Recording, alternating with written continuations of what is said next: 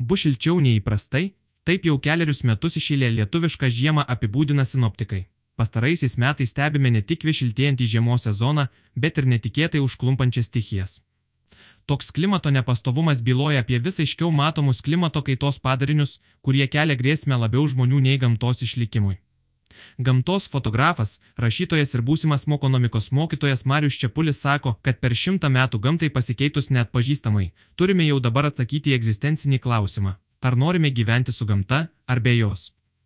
Klimato kaita yra vienas didžiausių mūsų laikų iššūkių, kurios niokojančius padarinius gamtoje dabar matome plika akimi. Nuo nykstančių rūšių, sausrų ir vandens trūkumo iki jūros lygio kilimo, temperatūros ir oro sąlygų pokyčiai kelia grėsmę ekosistemos pusiausvyrai visame pasaulyje.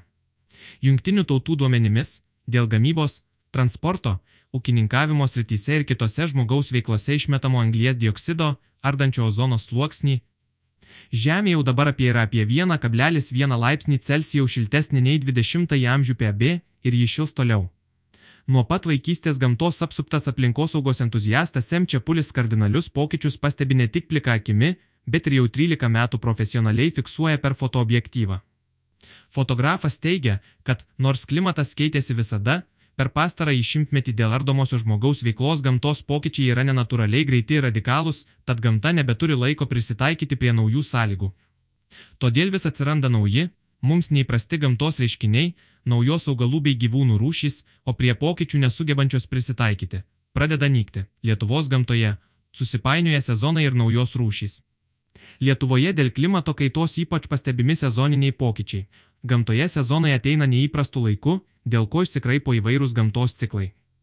Prisimindamas vaikystę, M. Čiapulis pasakoja, kad anksčiau, švesdamas gimtadienį spalio 17 dieną, kaime dar matydavo lapus numetusius medžius.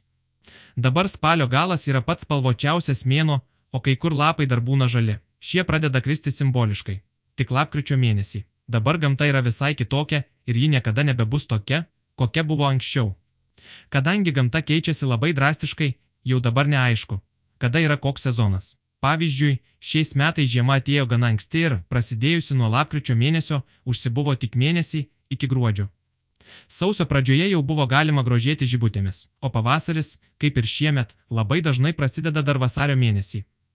Net ir dabar didelė dalis paukščių kaip gervės ar žasys jau yra sugrįžę, gamtos stebėjimais dalyjasi fotografas. Anot jo, Lietuvoje dėl klimato kaitos ir žmogaus veiklos tendencingai keičiasi tiek flora, tiek fauna. Rūšys ne tik prisitaiko, migruoja ar nyksta, bet ir atsiranda vis naujų, galinčių įstumti vietinės. Pavyzdžiui, atsiranda naujų, mūsų platumoms neįprastų gyvūnų ir vabzdžių kaip šakalai ar maldininkai. Skaičiuojama, kad Lietuvoje atsiradusių naujų paukščių rūšių skaičius padidėjo nuo 300 iki 400, o kanopinių žvėrių Vilkų ir lūšių per paskutinius 15 metų registruojama dešimteriopai daugiau. Šie pokyčiai, pašnekovo nuomonė, nebėra išimtis, labiau tendencija, kuri išbalansuoja nusistovėjusią gamtos pusiausvyrą ir priverčia ją keistis kardinaliai. Misija - gelbėti ne žemę, o save. Apie klimato kaitą dabar kalbama kaip niekada daug ir gamtos pokyčių sukeltos pasiekmės daro tiesioginę įtaką žmonių geroviai. Anuotem čia pulio, didžiausia problema tampa tai, kad visame pasaulyje žmonės yra linkę šią temą ignoruoti ir nemato didesnio paveikslo - galimų socioekonominių ir geopolitinių klimato kaitos pasiekmių. Kol kas yra mąstoma tik trumpuoju laikotarpiu - kaip išgyventi dabar, o ne kaip išgyvens ateinančios kartos. Pirmiausia, žmonės nenori girdėti apie klimato kaitą, nes jie jaučiasi kaltinami ir gazdinami, o taip jaustis yra nepatogu. Kai kurie žmonės galvoja, kad klimato kaita nėra blogai. Bus šilčiau, bus didesnis derlius ar didesnė jūros teritorija. Tačiau jie nesupranta, kad kaita reiškia daugiau parazitų, kurie perneš daugiau lygų, ar kad didžioji dalis pasaulio gali būti apsemta, pasakoja M. Čiapulis. Toks žmonijos mąstymas gali būti ir komunikacijos apie aplinkosaugą klaida, kaip teigia pašnekovas, dažnai kalbant apie aplinkosaugą pabrėžiama žemės įsaugojimo misija. Tačiau tai atitolina žmonės nuo esminės problemos. Turime saugoti ne mūsų planetą, o gelbėti žmoniją, nes klimato kaita yra didžiausia grėsmė būtent žmonijai. Dėl klimato kaitos tam tikros gyvūnų ar augalų rūšys gali išnykti ar atsirasti, bet Žemė dar turi bent 5 milijardus metų evoliucionuoti iš naujo. Žmonės tiek laiko neturi, sako gamtos fotografas.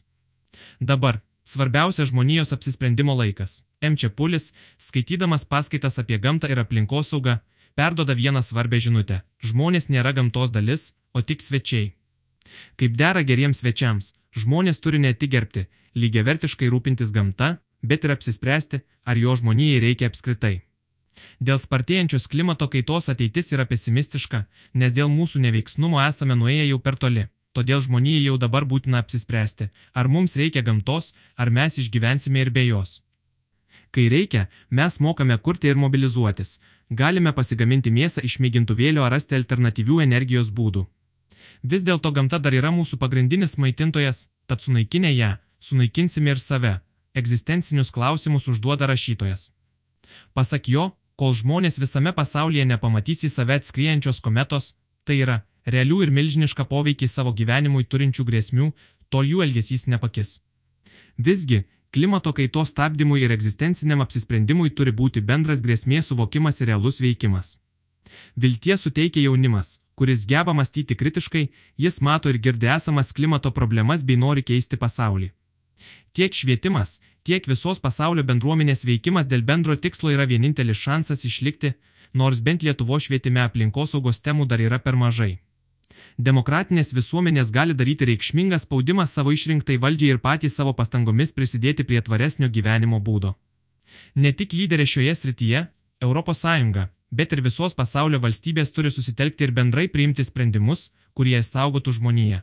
Teigia M. Čiapulis. Apie Lietuvos gamtos pokyčius klimato kaitos akivaizdoje didžiausioje nuotolinėje pamokoje Lietuvoje ekonomika kovo 9 dieną pasakos gamtos fotografas ir ornitologas Marius Čiapulis.